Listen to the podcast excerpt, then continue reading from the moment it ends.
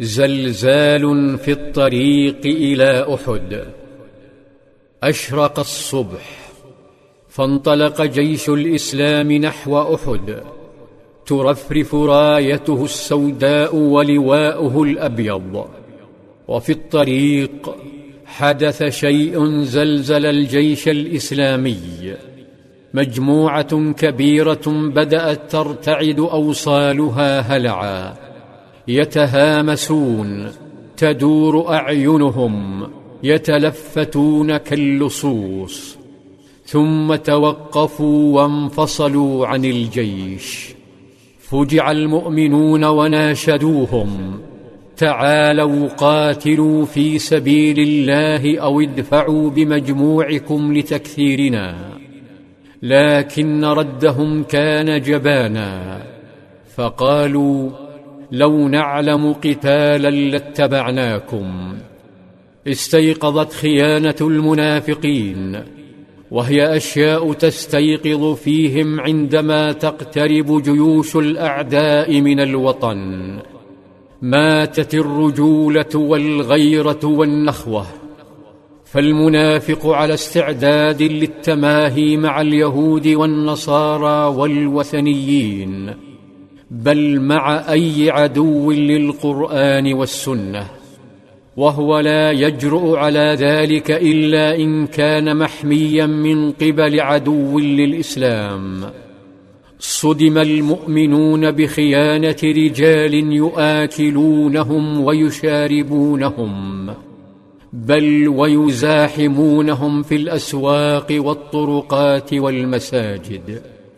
حاولوا ثنيهم فعجزوا ولم ينزل الوحي فيهم فترك النبي صلى الله عليه وسلم الأمر لشعبه فاقترح أناس قتالهم قبل قريش لأنهم أخطر وقال آخرون لا ثم نزل الوحي نزل بآيات تطالب بتجاهلهم والتركيز على الهدف الذي خرجوا له.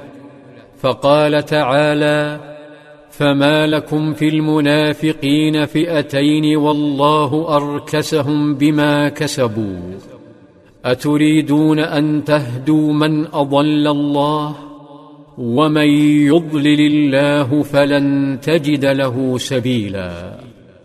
ووصف خيانتهم فقال سبحانه هم للكفر يومئذ أقرب منهم للإيمان. يقولون بأفواههم ما ليس في قلوبهم. والله أعلم بما يكتمون. تلاها صلى الله عليه وسلم على جنده.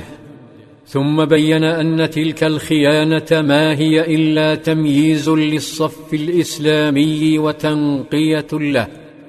فقال إنها طيبة وإنها تنفي الخبث كما تنفي النار خبث الفضة.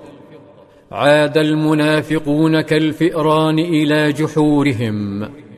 وواصل جند محمد صلى الله عليه وسلم حتى وصلوا أحدا.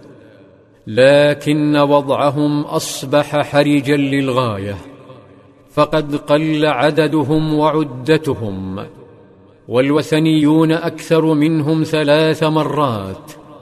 فتسلل الإحباط إلى معنويات بني الحارث وبني سلمة من الأنصار.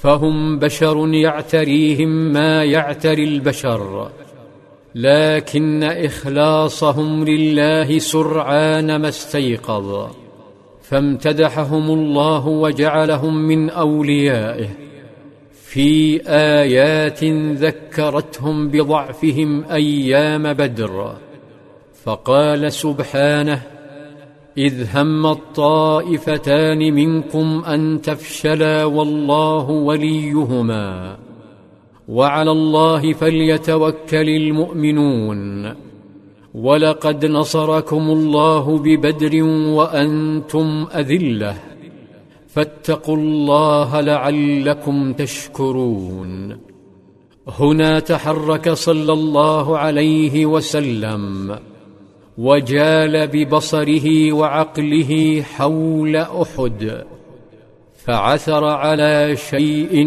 يعوض النقص في جيشه.